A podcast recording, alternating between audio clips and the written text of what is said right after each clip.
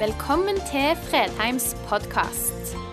For mer informasjon og ressurser, besøk oss på fredheimarena.no, eller finn oss på Facebook.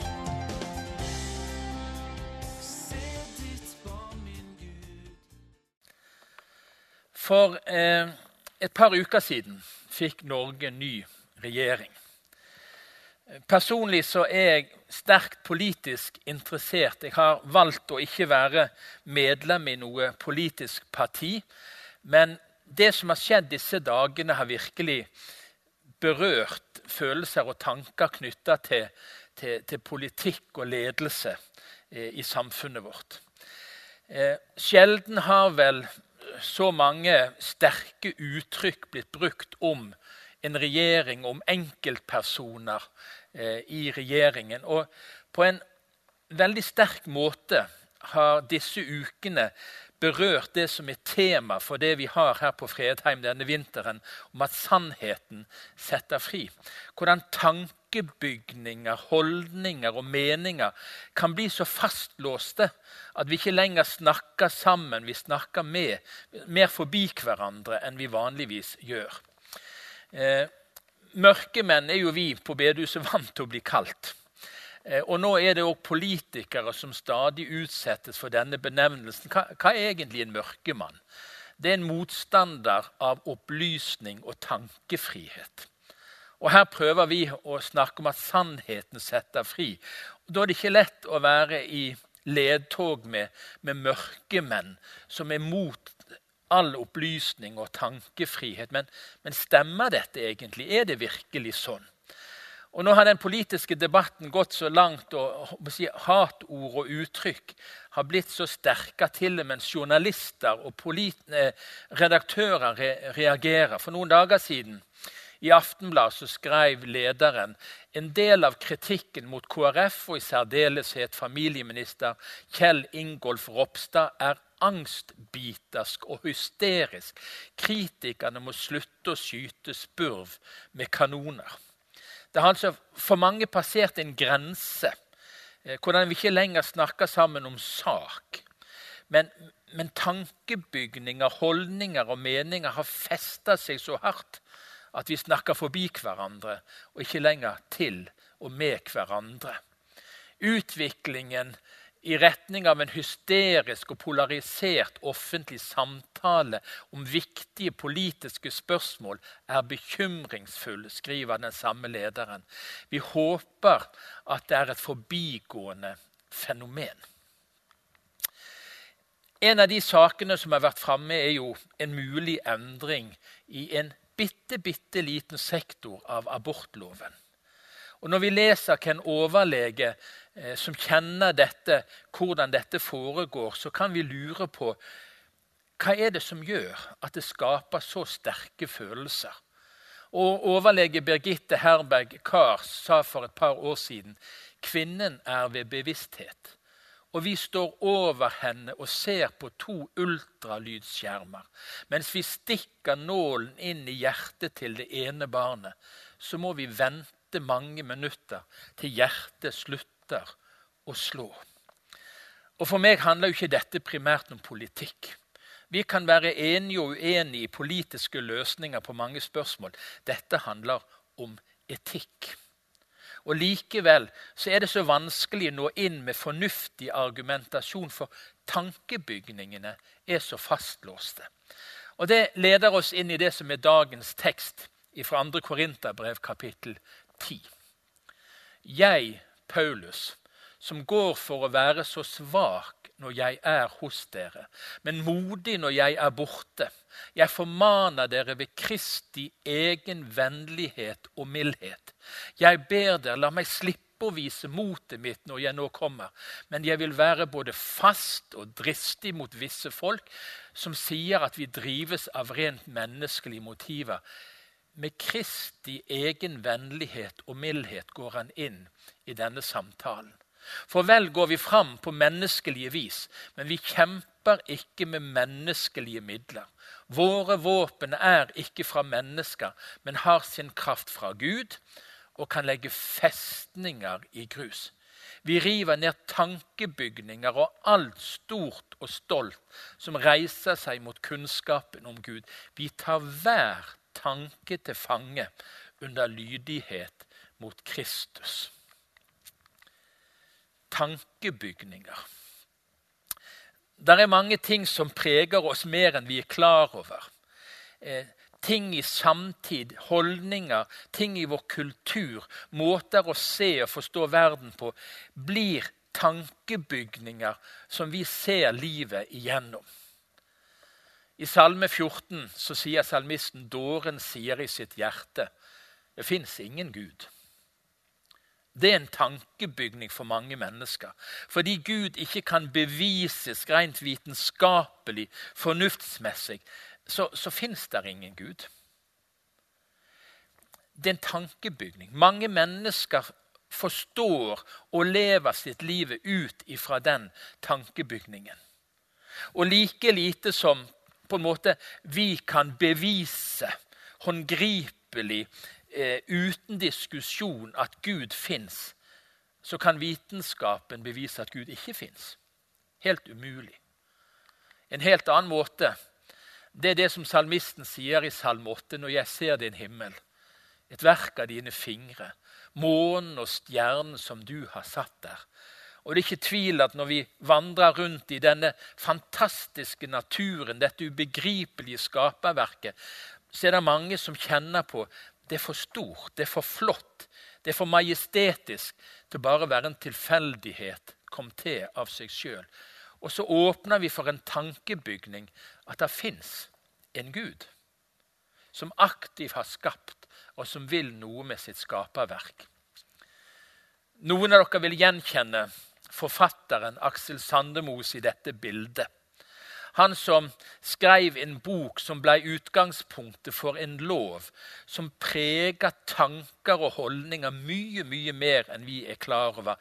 Janteloven med sine ti bud, selv om det fins òg et ellevte, så skal du altså ikke tro at du er noe.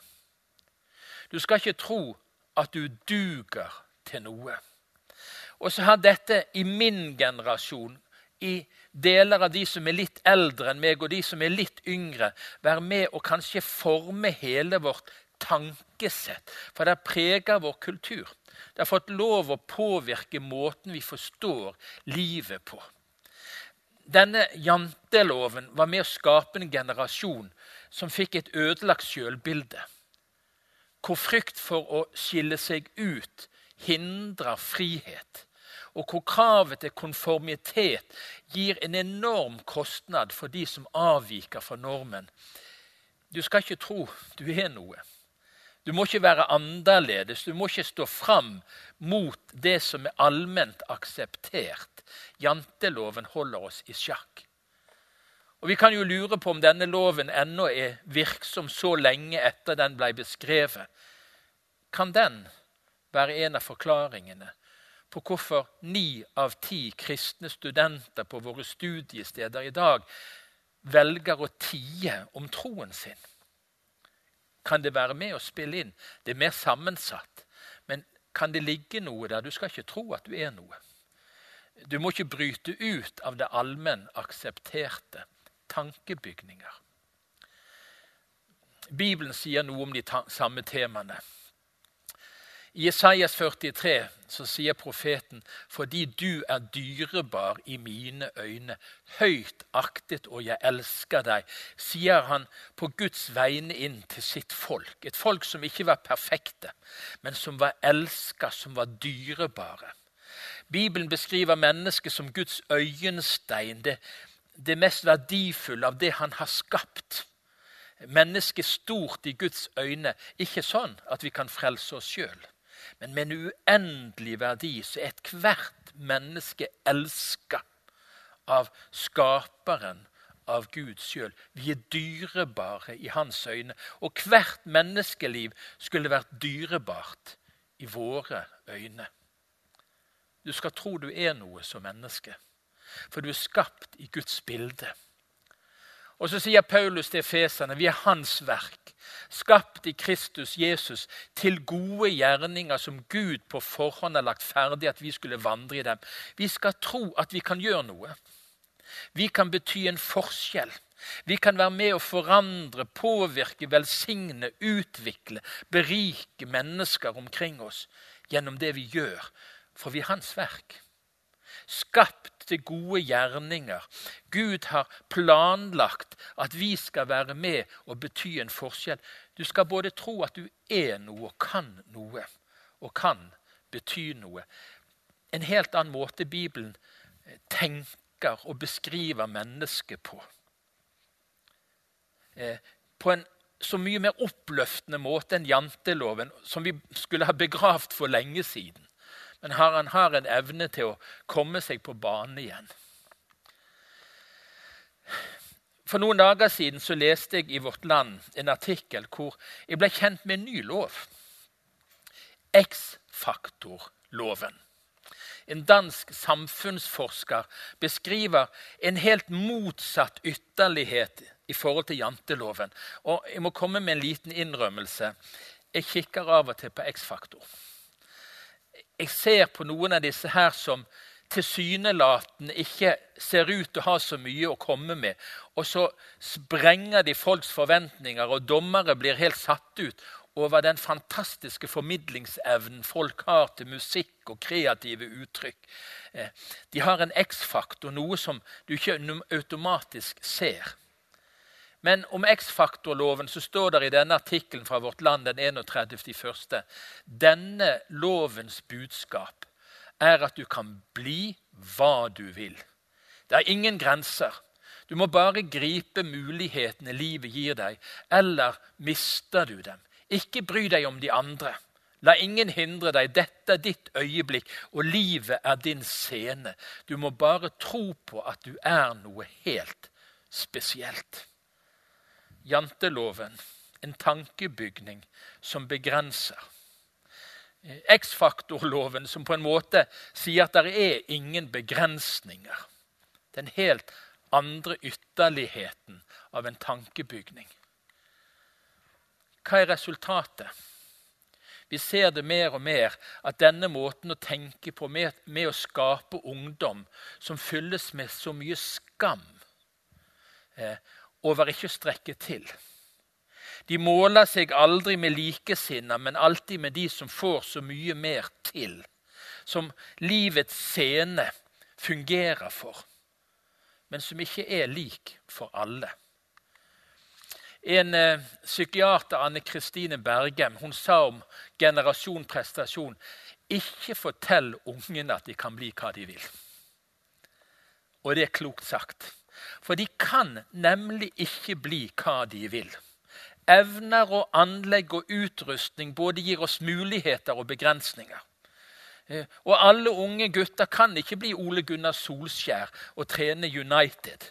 Så enkelt er ikke livet. Livet er ikke bare en scene hvor du kan glemme alle andre og være sikker på at du oppnår absolutt alle dine drømmer. X-faktorloven er en tankebygning. Det er en tankebygning som gjør mennesker eh, at de opplever nederlag. At de opplever å ikke strekke til. At de blir fylt med skam av at ikke de lykkes sånn som alle mulighetene skulle tilsi. Hva sier Guds ord til oss om våre begrensninger? Ved den nåde jeg har fått, sier jeg til hver enkelt av dere, tenk ikke for store tanker om deg selv, men tenk sindig. Hver og en skal holde seg til det mål av tro som Gud har gitt ham. Det kan høres ut som en begrensning, men det er en sannhet som setter deg fri. Du trenger ikke leve opp til andres mål av tro og evner og anlegg. Du skal leve opp til det målet av tro som Gud har gitt deg. Du skal være deg sjøl, den beste utgaven av deg sjøl. Ikke sammenligne deg med alle andre. Det er en enorm frihet i denne bibelske sannheten. Gud har utrusta deg, Gud har gitt deg et mål av tro. Gud har gitt deg noe du skal forvalte. Han har ikke gitt deg det som de andre har fått. Han har gitt deg det du har fått. Og det gir deg frihet til å senke skuldre og tenke nøkternt om den du er, og slippe å måle deg med andre mennesker. I Salme 119 så, så kommer det på en måte en sånn eh, eh, anbefaling om Guds ord. Ditt bud, ditt ord Gjør meg visere enn mine fiender. Det er alltid hos meg. Jeg skjønner mer enn alle mine lærere, for jeg grunner på dine lovbud. Bibelen gjør oss ikke kloke på alt som har med matematikk og med ingeniørkunnskap og mange av disse her utfordringene kunnskapssamfunnet setter oss overfor, men det gjør oss livskloke. Bibelen gitt oss av Skaperen sjøl, som kjenner oss, som formte oss. Ved å grunne på Hans ord og Hans bud så settes vi i frihet fra tankebygninger som ødelegger mer enn godt er. Vi blir klokere enn våre fiender. og Nå skal ikke vi gjøre folk til fiender unødvendig i det hele tatt. Men det er så mange tankebygninger som sier noe helt annet enn det Guds ord og Guds bud sier. Det er en klok vei for ethvert menneske, og det lytter til Skaperens ord. Men den teksten vi leste, handler ikke bare om tankebygninger, på en måte i den store overbygge samfunnet, kulturen, som vi er en del av. Den talte om festninger. En festning er jo primært lagd for å beskytte oss mot fiender utenifra. Og mange liv har opp gjennom historien blitt berga av klokt uttenkte festningsverk. Men en festning kan bli det verste som fins. For du kan bli innelåst i den. Du kan bli omringa, og du kan miste all kontakt du trenger med omverdenen for å få mat og drikke for å overleve. Og mange har mista livet i festninger som var lagd for å beskytte, men som blei en felle og et fengsel istedenfor en tankebygning, en festning. Eh, det er tanker, holdninger og følelser som binder oss. Som hindrer oss i å leve i den friheten som Jesus har frikjøpt oss til. Alle opplever jo at tanker fyker forbi oss. Og heldigvis klarer vi la noen av tankene bare fare av og til. Men av og til så lander det tanker som biter seg fast. Som preger oss både tankelivet, følelseslivet og våre evner til å leve livet maksimalt. Og Det er dette her Paulus skriver til oss. Vi, vi kan slite med festninger. Og vi tar et oppgjør med den type festninger som binder oss og hindrer oss. Noe av det mest vanlige som blir til festninger og begrensninger for oss, det er skuffelser og sår som livet har gitt oss. Og det er ingen som kommer til å gå gjennom livet som ikke opplever å bli skuffa. Ingen av oss kommer til å gå gjennom livet uten å bli påført sår. Spørsmålet er om dette får lov å feste seg hos oss og bli tanker, følelser, festningsverk vi ikke kommer fri fra. Og for, Med fare for å være politisk ukorrekt og bli misforstått, så skal jeg våge meg på bitte, bitte litt tynn is. I samtale med utallige ektepar som opplever utfordringer, så har jeg mange ganger sett at en del kvinner sliter med å komme seg videre i forhold til ting som er sagt og gjort årtier tilbake det, det, har festa seg. De kan ta det fram igjen på en forunderlig måte årevis etterpå. Og når mannen blir konfrontert med det, så husker han aldri han har sagt det engang. Og så blir det følelser, tanker, som blir til festningsverk, skuffelser og sår som ikke ble behandla når de skjedde. Det, det, låser seg til og ligger som en verkebyll i ekteskap og i relasjoner. Og Jeg sier ikke at mannfolk ikke opplever noe av det samme. Vi kan bli skuffa, og vi kan bli såra. Men av en eller annen grunn så virker vi litt enklere skrudd i hop. Og av og til klarer vi å legge noe av det bak oss. Jeg skal komme tilbake til mannfolk sine utfordringer. Bare slapp av. For vi har våre helt egne utfordringer på dette området. I profeten Jesaja, i kapittel 1, så, så skriver profeten på Guds vegne til israelsfolket. Så beskriver han et folk som har opplevd utfordringer og ting som de ikke har fått behandla. Og så skriver han i vers 6.: Fra hode til fot er ingenting helt flenger og skrammer og åpne sår, ikke rensa, ikke forbundet, ikke bløtt opp med olje. Hadde det blitt behandla, hadde det blitt tatt fram i lyset, hadde vi sluppet Gud inn i det, hadde vi sluppet andre mennesker inn i det, så kunne det bli bløtt opp. Det kunne bli forbundet. Det kunne bli helbreda.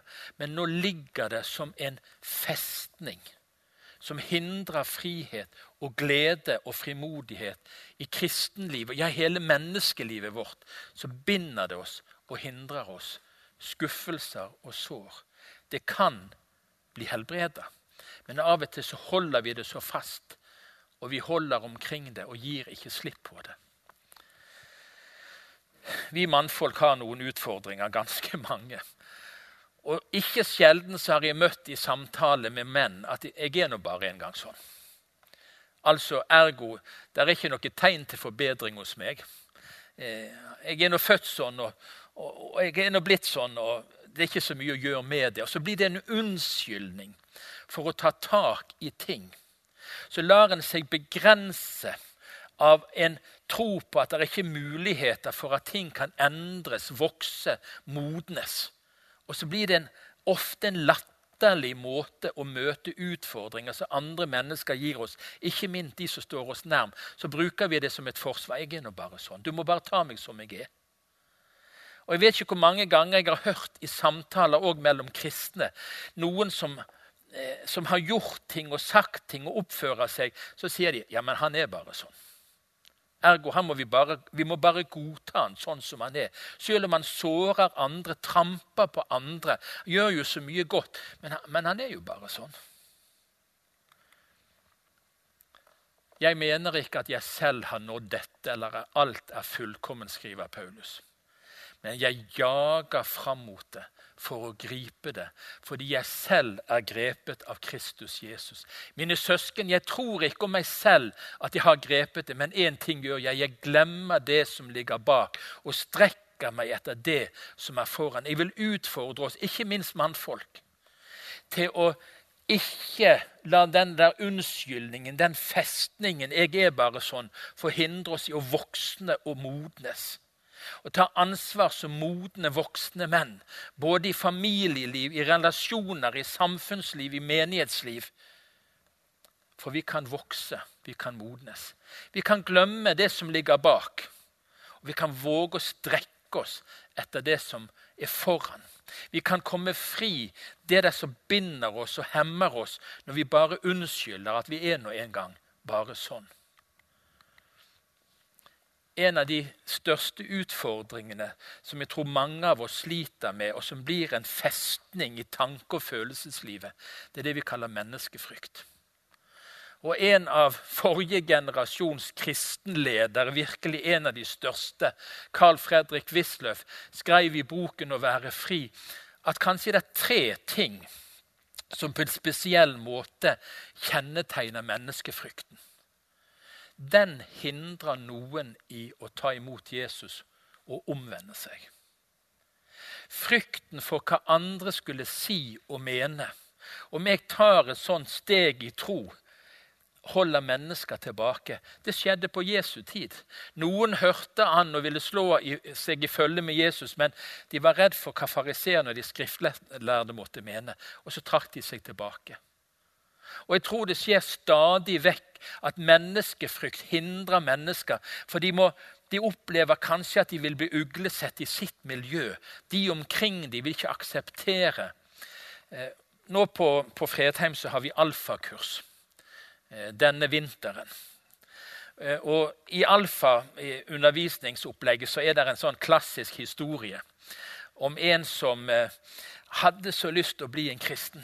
Han visste at det var riktig, men han var så redd for å bli kristen, for han trodde aldri han tørde å innrømme det til folk etterpå. Og det holdt han tilbake. Frykten for hva andre skulle si og mene, holdt han tilbake. Men til slutt så ble han så desperat at han oppsøkte en prest og ba om hjelp og veiledning. Og så sier han jeg, jeg har så lyst til å bli en kristen, men jeg kommer jo aldri til å tørre å innrømme det og si det til noen. Så ser han på, ser han på presten, og, og, presten ser på han, så sier han, du, bare bli kristen, du. Du trenger ikke si det til et eneste menneske. Og Fyren han ble omvendt på flekken og tok imot Jesus. For hvis det var så enkelt at han trengte ikke si det til noen, så ville han bli det. Så går han hjem og springer inn og banker på døren og går inn, og så roper han ut til familien. 'Hei, vet dere hva? I dag ble jeg en kristen, og jeg trengte ikke si det til noen', sa han.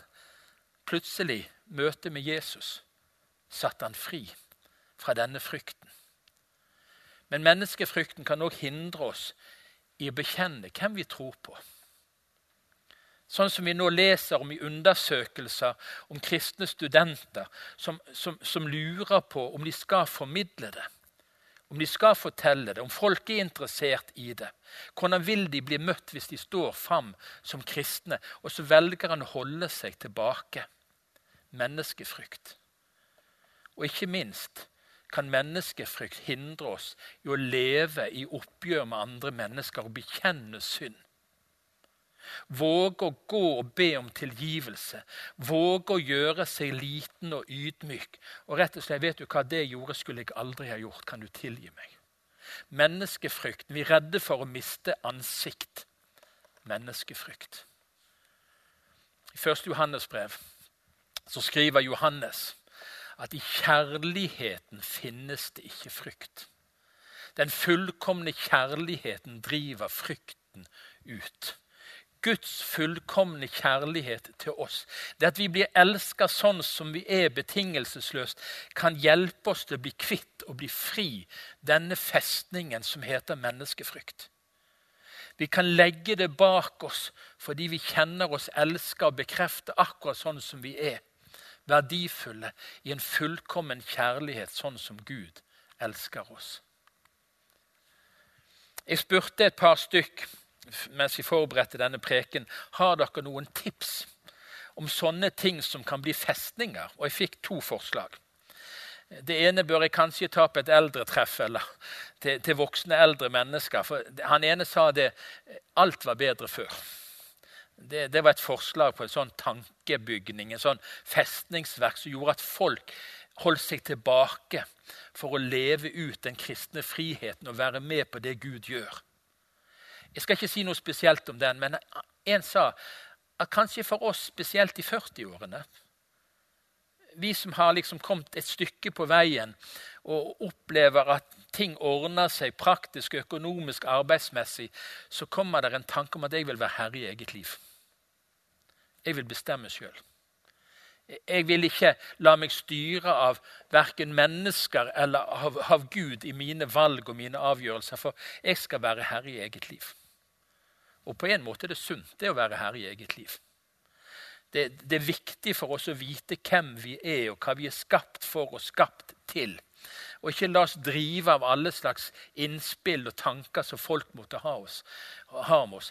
Men bakenfor kan det ligge en frykt. Hva hvis jeg lot Gud slippe til i mitt liv? Hva ville det føre til? Vil han meg vel?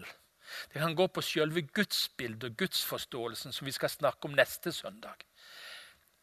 Det å være herre i eget liv kan være slitsomt. Det kan være et resultat at vi ikke tør å våge å leve Gud virkelig nær av frykt for hva han måtte finne på med oss. Vi søker trygghet. Vi trenger kontroll. Gudsbildet vårt er ikke bearbeida og modnes på en sånn måte at vi tør å gi oss over i Guds hender. Jesus sier det på denne måten.: Søk først Guds rike. Og hans rettferdighet. Så skal dere få alt det andre i tillegg. Så gjør dere ingen bekymring for morgendagen. Morgendagen skal bekymre seg for seg selv. Hver dag har nok med sin egen plage. Du trenger ikke frykte. Du trenger ikke være redd. Guds rike kan du søke først av alt fordi Gud er en god Gud som vil deg vel.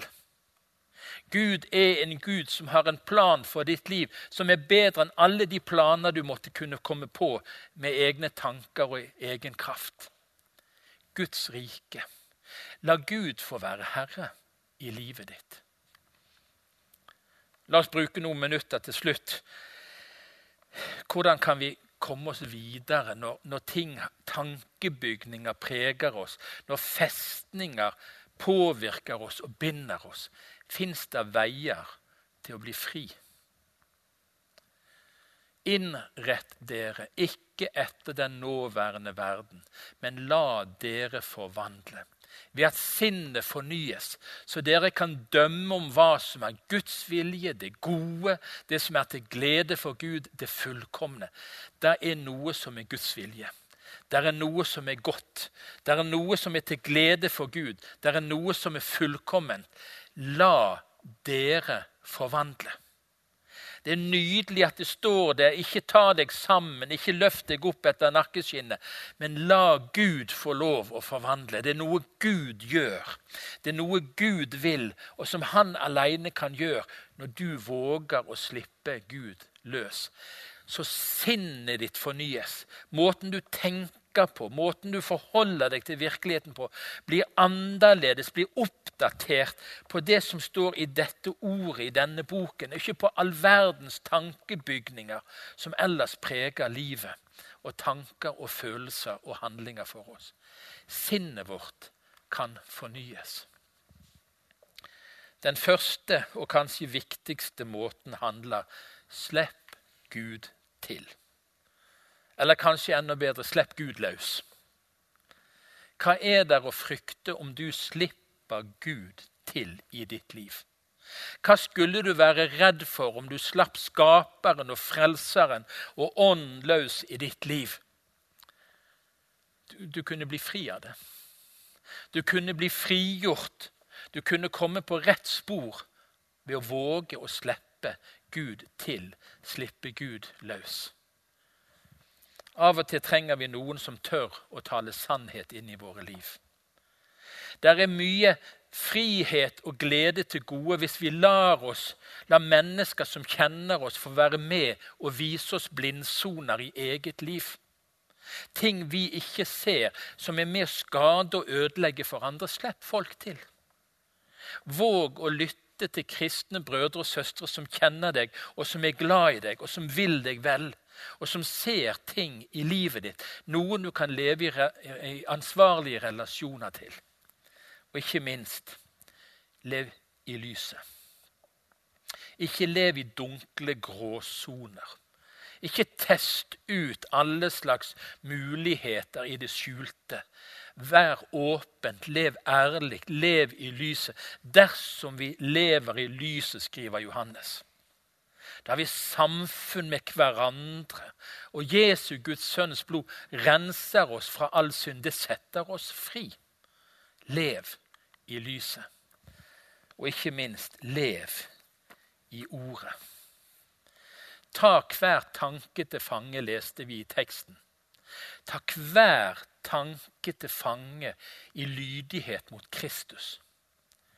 Her får du den beste veiledning for de viktigste livsområdene. Det å leve som et menneske i denne verden.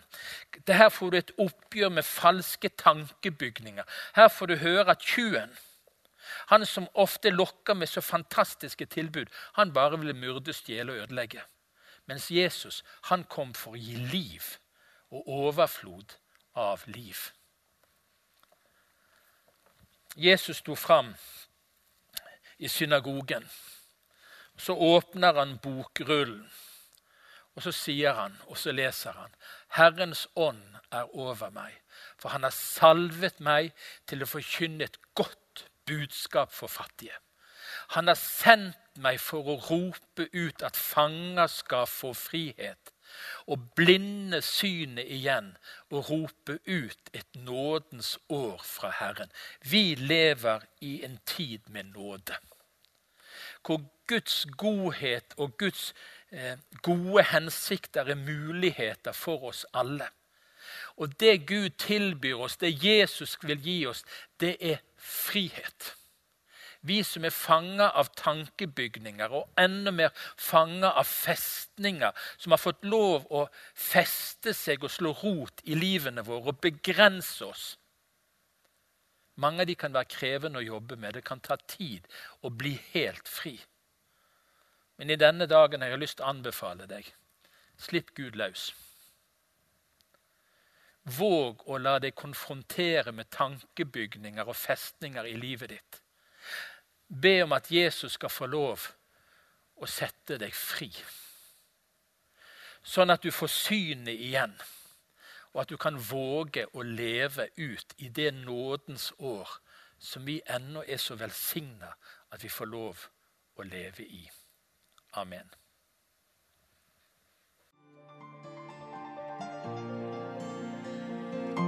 Takk for at du valgte å høre på. Nye opptak legges ut hver uke. Vi har gudstjenester hver helg, og du er hjertelig velkommen.